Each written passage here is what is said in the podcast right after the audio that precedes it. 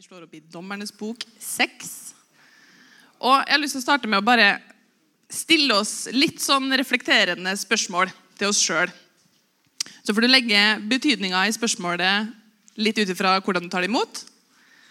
Men eh, i dag hvor er du? Hva gjør du? Hva sier Gud? Og hvordan responderer du på det? Kanskje det går tanker gjennom hodet ditt akkurat nå, kanskje ikke. Men vi skal også stille de her spørsmåla inn i livet til tre karer i dag. Gideon, Moses og Noah. Da Gideon litt stort, så det blir litt lesing. Og så har de skrevet overskrift lenger bak her over Moses. Den korteste og minst detaljerte versjonen. Moses på to minutter. Det blir veldig bra. Men først så går vi inn i Dommernes bok 6, der vi skal lese om Gideon. Hvis du ser bare på slutten av kapittel 5, så ser man den siste setninga, i hvert fall i min bibel, så hadde landet ro i 40 år. Da var det ro, da var det fred, da var livet godt i 40 år. Og så leser vi Dommernes bok vers 1, nei, 6, vers 1. Så gjorde Israels barn det som var ondt i Herrens øye, øyne. Derfor overga Herren dem i Midians hånd i sju år. Så etter 40 år i fred så er nå de overgitt til Midian i sju år. Det er ganske liksom 40 år med fred, sju år med ufred. Rett og slett ufred. Og så står det videre at hver gang som Israel hadde sådd, så kom midjanittene og amalekittene opp mot dem. Og Det leser vi i vers 4. De dro til fells mot dem og ødela avlingen i landet helt til Gaza. De lot ingenting bli igjen som Israel kunne leve av, ikke en eneste sau eller okse. Så Hver gang de skulle så, hver gang de skulle få tak i mat, så kom de og bare ødela det. Og da er livet hardt, altså. Bonde, det er hardt arbeid å så. Tenk når du sår. Først må du grave opp jorda og vende og styre, og så må du så. Og så kommer de og ødelegger. Og så tar de alle dyra i tillegg. Da er livet ganske kjipt. Da er det ikke bra. Vi leser videre i vers 6. Håper du er med i Bibelen din, for her går det fort i svingene. Slik ble Israel helt utarmet pga. midjanittene. Da ropte Israels barn til Herren.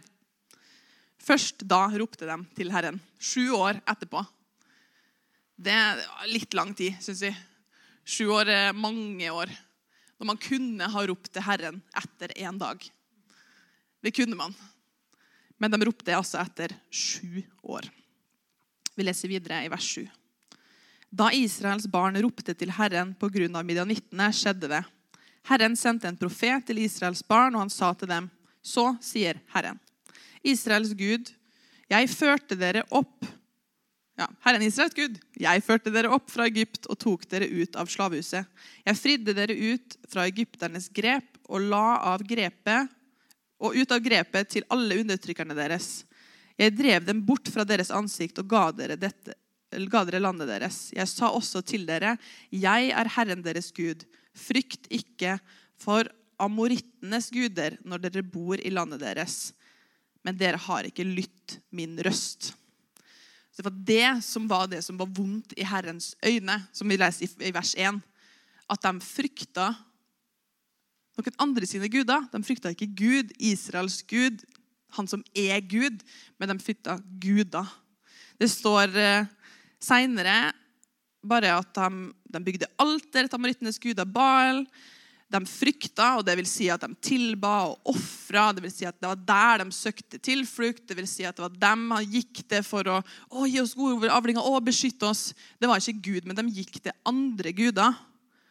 Som vi da vet er egentlig bare et alter, egentlig bare en perle, egentlig bare en gullku. sant? At det andre guder med liten g. Og sju år med det her så ropte de til Gud. Etter at de ropte ut til Gud, så sendte Gud en engel til Gideon. Og det leser vi i 6.11. Herrens engel kom og satte seg under terebintetreet i Ofra. Det tilhørte abiseritten Joash.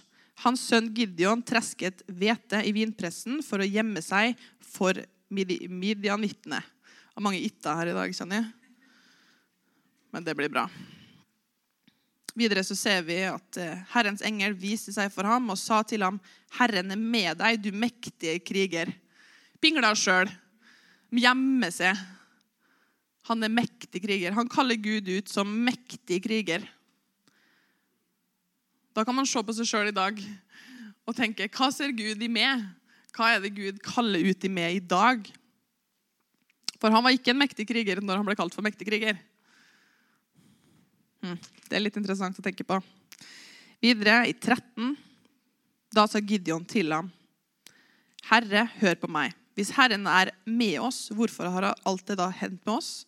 Og hvor er alle hans underlige, underfulle gjerninger? De, forf... de klarer ikke å lese i dag, altså. Beklager. Hvor er alle hans gjerninger, underfulle gjerninger? De våre fedre fortalte oss om da, førte ikke Herren oss opp fra Egypt.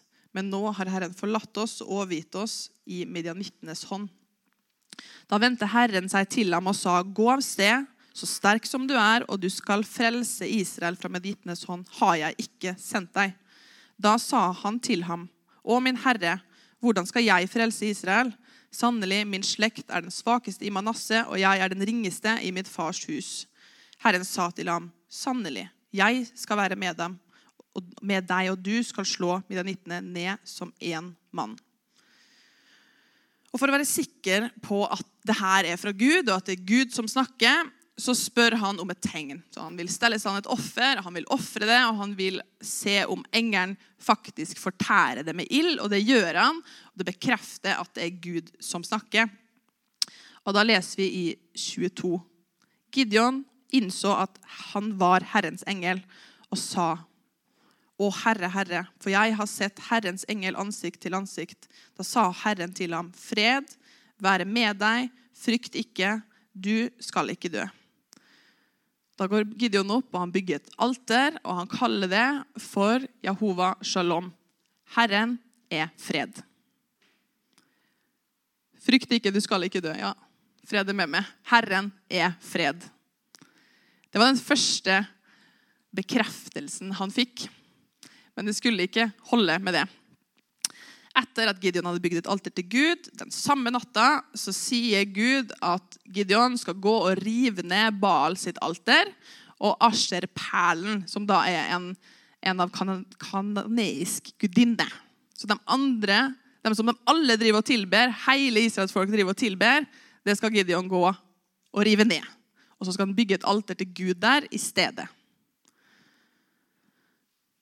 ser vi allerede i vers 27. Så tok Gideon med seg ti menn av tjenerne sine og gjorde som Herren hadde sagt. Men fordi han hadde så stor frykt for sin fars hus og mennene i byen, våget han ikke å gjøre det om dagen, men gjorde det om natten.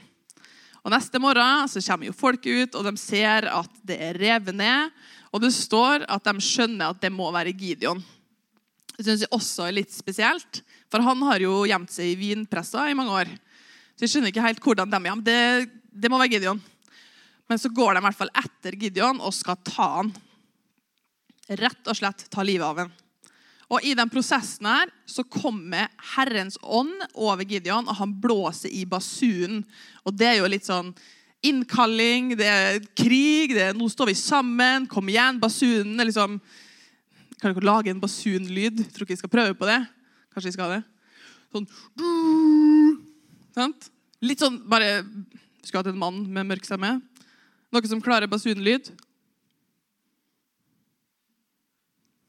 Erik Andreas? det blir litt som meg, da. Men en skikkelig kraftig stemme. Og da kommer det abiserittene samler seg etter han og følger etter han. Så sender han utsendinger. Han, sender kaller på dem. Han sier 'Kom og hjelp oss. Kom og bli med. Kom og stå her.'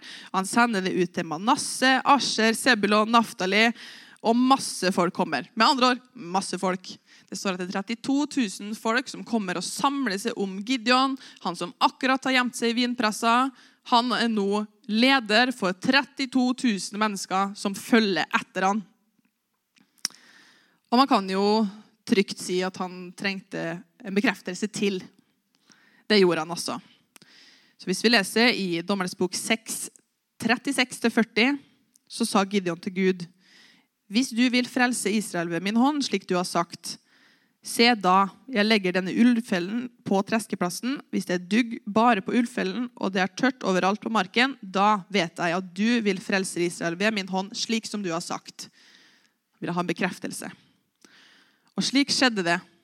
Da sto han tidlig opp neste morgen og klemte på ullfellen. Krysset han dugg av ufellen og en hel skål full av vann. Da sa Gideon til Gud, la ikke din vrede bli opptent mot meg men la meg ta det bare én gang til. Jeg ber deg. La meg prøve bare én gang til med ullfellen. La nå bare ullfellen være tørr, men la det være dugg overalt på marken. Og Gud gjorde det slik den natten. Bare ullfellen var tørr, men det var dugg overalt på marken. Så Gud bekrefta to ganger til. Ja, jeg har sagt til det, at jeg er med det. Jeg har sagt at jeg skal bruke det til å vinne over den store hæren her. Så leser vi videre i Dommersbukene 7. Dere er glad i Bibelen, er dere ikke det? Så det her er bra. Bibelen snakker mye bedre enn meg, så det er perfekt. Da leser vi 7, 2-8. Så er det et godt stykke. Herren sa til Gideon det folket du har med deg, er altfor mange til at jeg kan gi midjanittene i deres hånd. Skjer det, vil Israel gi seg selv ære istedenfor å gi ære til meg. Da vil de si, min egen hånd har frelst meg. Derfor skal du nå rope, rope ut, så folket hører det, og si, den som frykter og er redd, kan få vende tilbake straks forlate Gileadfjellet. Da ventes 22 000 av folket av sted, og 10 000 ble igjen. Men Herren sa til Gideon, Folket er fremdeles altfor stort. Ta dem med ned til vannet, så skal jeg sile dem ut for deg der. Da skal det skje. Når jeg sier til deg, 'Denne skal gå med deg', så skal han gå med deg. Og når jeg sier til deg, 'Denne skal ikke gå med deg', skal han ikke gå. Så førte han folket ned til vannet. Herren sa til Gideon, 'Vær den som leppjer vannet i seg med tungen, slik en hund lepjer, skal, holde, skal du holde for seg selv.' skal du holde for seg selv. Hørtes så rart ut. Det samme skal du gjøre med hver den som legger, ned, legger seg ned på knærne og drikker. Tallet på dem som leppjet ved å sette hånden for munnen, var 300 menn. Men alle de andre av folket la seg ned på kne for å drikke av vannet. Da sa Herren til Gideon, ved de 300 mennene som leppjet, skal jeg frelse dere. Og jeg skal overgi midjanittene i din hånd, men la alle de andre gå, hver mann til sitt eget folk. Så tok folket forsyningene og basunene i hendene sine, og alle de andre av Israel sendte han av sted, hver mann til sitt telt. Og han holdt de 300 mennene igjen hos seg. 300, da. 300 stykker. Mot en hær som Bibelen tidligere har forklart som tallrike gresshopper. Hvis du noen gang har sett på Discovery Channel en liksom en hel eh, sverm av gresshopper, så er det mange. Og når de går framover, så fortærer de alt. Ingenting igjen når gresshoppene har gått forbi. Og Gud sier nei, 32 000, som mest sannsynligvis ikke var, var, fortsatt var undertall. Det var mest sannsynligvis undertall, siden de er tallrike. De, de, er for mange til å telle, men de er 32 000, så da var ikke det for mange til å telle. Men Gud ville bruke 300 for at han skulle få ære fra det. Hvis vi blar om til 7, vers 20. Kort fortalt så ber Gideon om en, enda en bekreftelse, og får det. Deler gjengen opp i tre og sprer dem rundt hæren. Så blåste de tre flokkene i basunene og knuste krukkene, og de holdt faklene i venstre hånd og basunene i høyre hånd, så de kunne blåse i dem. Og de ropte, 'For Herren og for Gideon!' Hver mann ble stående på sin plass rundt i hele leiren, og hele hæren løp hit og dit, ropte og flyktet av sted. Da de 300 blåste i basunene, lot Herren alle i leiren rette sverdet mot hverandre. Hæren flyktet til Bet Hashita mot Sera, helt til grensen mot Abel Mehola ved Tabat. Så de, de måtte jo ikke slåss engang. De går etter dem seinere, men de gikk mot hverandre. De flykta fordi de skjønte ikke hva som skjedde. Fordi Herren lot alle i leiren rette sverdet mot hverandre. Det var det Gud som gjorde. Og slik vant 300 stykker mot tall, utellelige mengder mennesker, leda av den ringeste, som den minste, i hans fars hus, i den svakeste slekta i Manasseh. Han som gjemte seg, han som satte spørsmål ved det som Gud sa, han som spurte etter masse bevis og masse tegn. Han som brukte, han brukte Gud til å vinne over Hæren. Gideon. Og når vi, med en gang når du hører Gideon, så tenker du Gideon, kriger. altså Det er liksom det vi har lært. Men Gideon var pingle. Skikkelig pingle. Men Gud overbeviste han at de skal bruke det. Han var ikke redd for å spørre om bevis. Var ikke redd for å spørre om tegn eller hjelp. Eller... Men til slutt så måtte han bestemme seg for at ja, men Gud har sagt det her. Det kan vi gjøre. Han var lydig. Å være lydig mens man er redd, det er å være modig spør du meg. Lille Gideon fikk lede kun 300 i å utfri Israel nok en gang. Ingenting er umulig for Gud. Heller ikke for den som tror. Som er enig i det Gud sier, er ingenting umulig. Er dere klar for den korteste og minst detaljerte versjonen av Moses? Jeg bare venta på at noen skulle. Takk, Tim og Kjetil. OK, her har jeg skrevet. Er du klar? Det går fort, altså. Moses levde i Egypt under farao, og han levde som en prins i et slott som hadde hele Israels folk, hans folk, i fangenskap og brukte dem som slaver. Han endte opp med å drepe en av faraos fangevoktere når han så en av sitt folk bli slått, og han rømte bort fra farao pga. frykt for konsekvensene. Men Gud kalte Moses ut fra sitt hjemmested, sendte han tilbake til farao for å få utfridd folket sitt og bringe dem til et land der de ble lovd at det fløyt av melk og honning. En veldig lang tur, og mange år senere inntok Israels folk det lovede land og levde i frihet pga. at Moses til slutt, etter om og men, valgte å stole på Gud og ikke på egen fortid, omstendigheter eller frykt. Punktum. Det var ganske kort og lite detaljert. Men man får fram budskapet. Er dere klar for den korteste og minst detaljerte versjonen av Noah? Altså, jeg syns de er geniale. Skal skrive barnebøker ennå etter det der. Noah levde i en tid hvor Gud så all ondskapen i menneskeheten og angrer på at han skapte den. Men Noah ble funnet rettferdig blant all urettferdigheten, som vil si at han holdt seg nær til Gud, tjente, tilba, ofra, frykta og holdt Guds bud. Det kan ikke ha vært lett for Noah å leve gudfryktig i en tid som det. Midt i dette brukte Gud han til å bygge en ark til å redde dyr og sin slekt fordi Noah var lydig til Gud. Er utfallet at slekta ble igjen, dyrene også, og jorda ble igjen befolka og fruktbar. Han levde når, Altså Det var så ille at Gud angra og vi vet jo hvor høyt Gud elsker mennesker.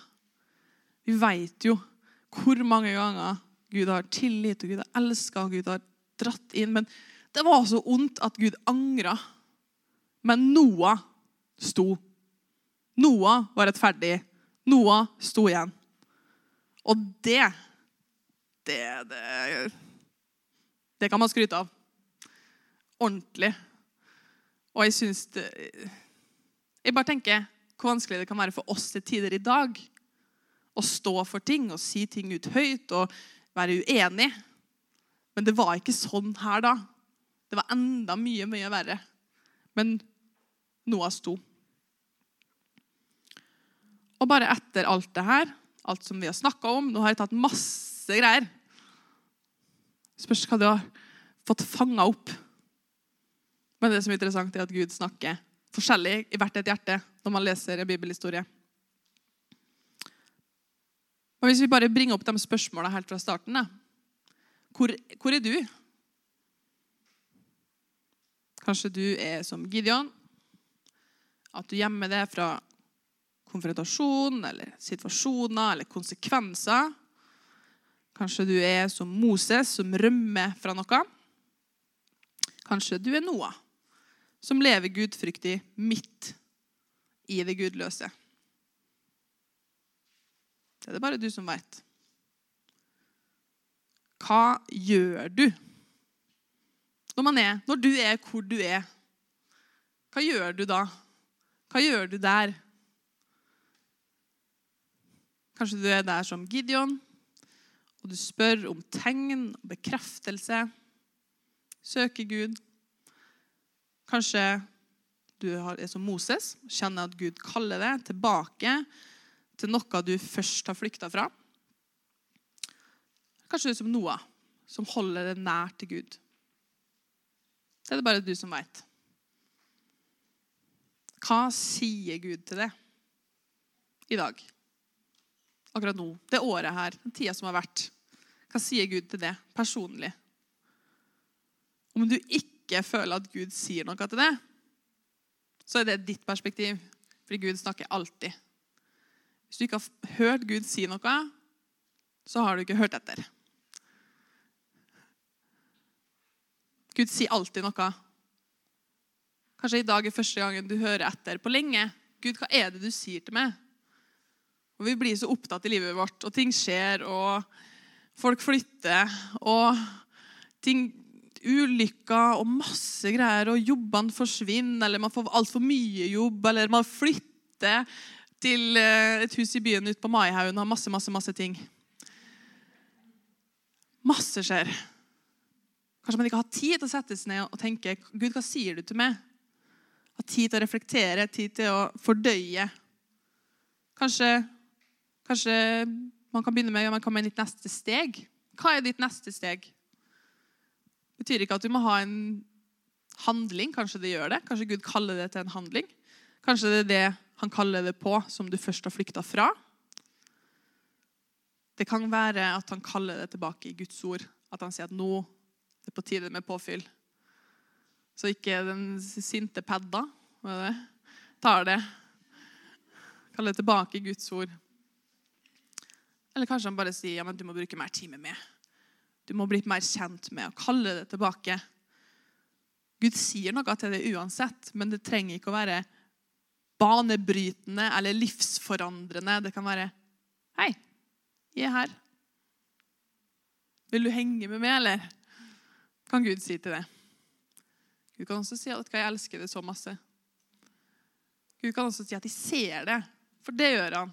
Han ser det ordentlig, rett igjennom. Altså, du stopper Når du skal se på det sjøl, så stopper du på det negative. og Du stopper på det som har gått feil, og du stopper på det som Oi, gjorde ikke det, eller skulle ha gjort det. Det stopper vi. Men Gud han ser gjennom. Han ser den mektige krigeren midt i hjertet ditt. Han ser potensialet som du har, og han vil kalle det ut hvis vi er villige til å høre. Hva sier Gud til deg i dag? Og så er jo etter alle de spørsmålene her, er jo, men hvordan responderer du? Vi ser at Gideon han responderte med å spørre om masse tegn og gjøre det til slutt. Noah bygde arken.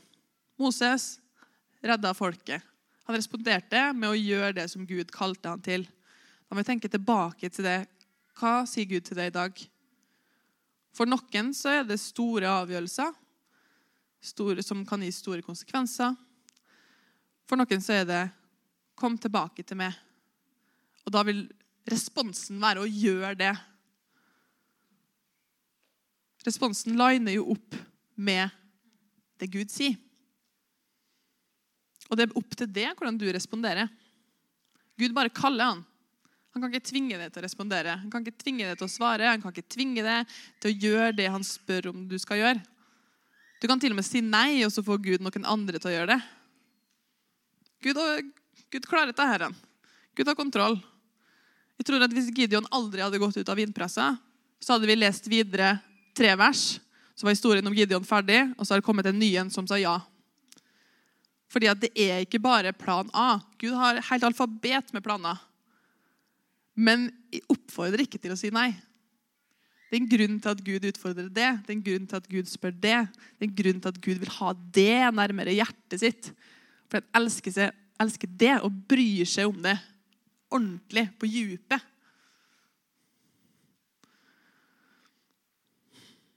Hvordan responderer vi? Ikke vent sju år med å rope til Gud.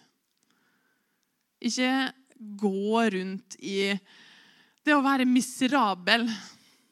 Det å ikke gjøre endringer, det å ikke ta oppgjør, det å ikke respondere. Ikke vent sju år når du kan gjøre det i dag.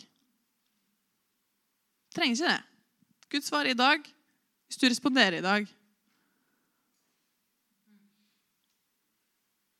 Og hva blir utfallet, da? Hvis du legger deg sjøl på linja og gjør det som Gud spør om du skal gjøre. Stort eller lite. Utfallet er jo seier. Det er jo at båten blir bygd og jorda redda. Det er jo at folket blir fridd. Det er jo at du blir fridd. Når du responderer på det som Gud sier til det, så er jo det seier. Vi er jo hodet og ikke hale. Vi er jo over og ikke under. Gud sier ikke noe til det som du bare kanskje ikke klarer. Gud gjør det jo fordi han har lyst til å gi det styrke og lyst til å gi det nåde til å klare å komme det gjennom det. Det er jo derfor Gud sier det. Gud sier det ikke bare sånn Kan ikke du prøve det her, da, så får vi se? Se om det går. Han gjør det jo for en Gud. Kan det være utfordrende? Kan det være vanskelig i to år før det blir bra? Ja. Kan man måtte gå i ørkenen i 40 år? Spør Moses, da. Ja. Må man jobbe hardt for å bygge en hæl ark? Arken er mye større enn det huset her, og vi klarte å bygge det huset her. Var det 100 år? 100 år. Det er mange år, det. Vi lever ikke så lenge engang, vi. Sant? Men blei det? Ja. Det blei ark, det blei frihet. Og det blir det som Gud har kalt det til å bli òg. Det er ikke på tide å sette seg ned og se hva som skal skje nå. Nå er det på tide å reise seg opp og bygge arken, utfri folket og gjøre det som Gud har kalt det til å gjøre. Punktum. Jeg avslutter med å lese tre bibelvers. Og jeg har ikke noe mer å si egentlig enn den siste setninga. Nå er det på tide å svare på det som Gud har kalt det til. Stort eller lite. Det kan bare være at man skal lese Bibelen mer og få mer ut av det. Søke inn til Gud mer. Det kan være at nå skal jeg tjene. Nå skal jeg bygge ark. Nå skal jeg stå på. Og det kan være nå skal jeg ta en pause. Du veit. Men det er på tide å respondere på det kallet som Gud har for det. Stort og lite. Det Gud sier til det. Ikke vent sju år. Ikke vent og se om noen andre tar arken. Ja, han andre kan jo kanskje gjøre det.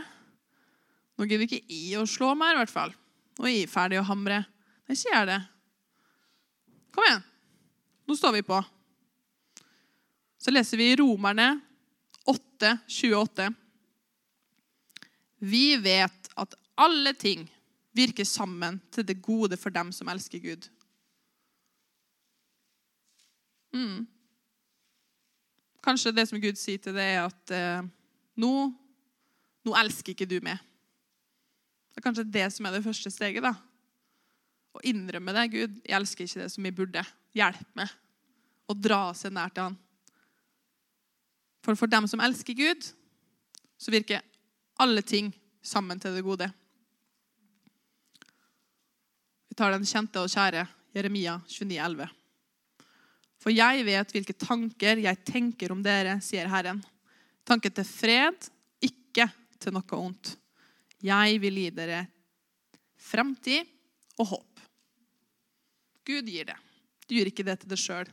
Du bare responderer på det som Gud sier til det i dag.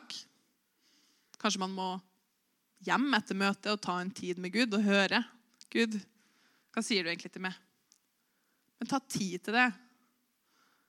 Hvis ikke så går bare dagene, svinner forbi, og så er livet ferdig.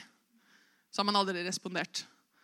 Og Istedenfor å bruke 100 år på å bygge en ark som kunne redde mange, så har man brukt 100 år på å leve ferdig. Siste verset jeg tar i dag, er Josva 1,9. Har ikke I befalte. Vær sterk og modig. Vær ikke redd og bli ikke skremt. For Herren din Gud skal være med deg over alt hvor du går. Amen. La det skje. Det er det som skjer. Utfallet er seier. Kanskje man får et fall eller to før seier, men utfallet er seier. Kanskje man får noen ekstra runder, noen ekstra år i ørkenen. Men utfallet er seier. Men vi gir ikke opp. Vi står på.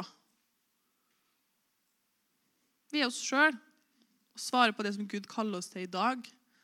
Løfter vi opp vår hammer og spiker, det vi skal gjøre. Det er ikke alle som skal være pastor. Det er ikke alle som skal være tekniker. Det er ikke alle som skal være søndagsskole. Det er ikke alle som skal være vertskap. Men hvis du kan, så trengs du. Skikkelig. For her bygger vi menighet, vi. Det er det vi driver med. Men først og fremst trekk det nær til Gud. Så vi kan elske Gud, så alle ting kan virke sammen til det gode for oss. Jeg er veldig glad i dere. Takk for meg. Så snakkes vi et par helger til altså, før, før jeg drar. Amen.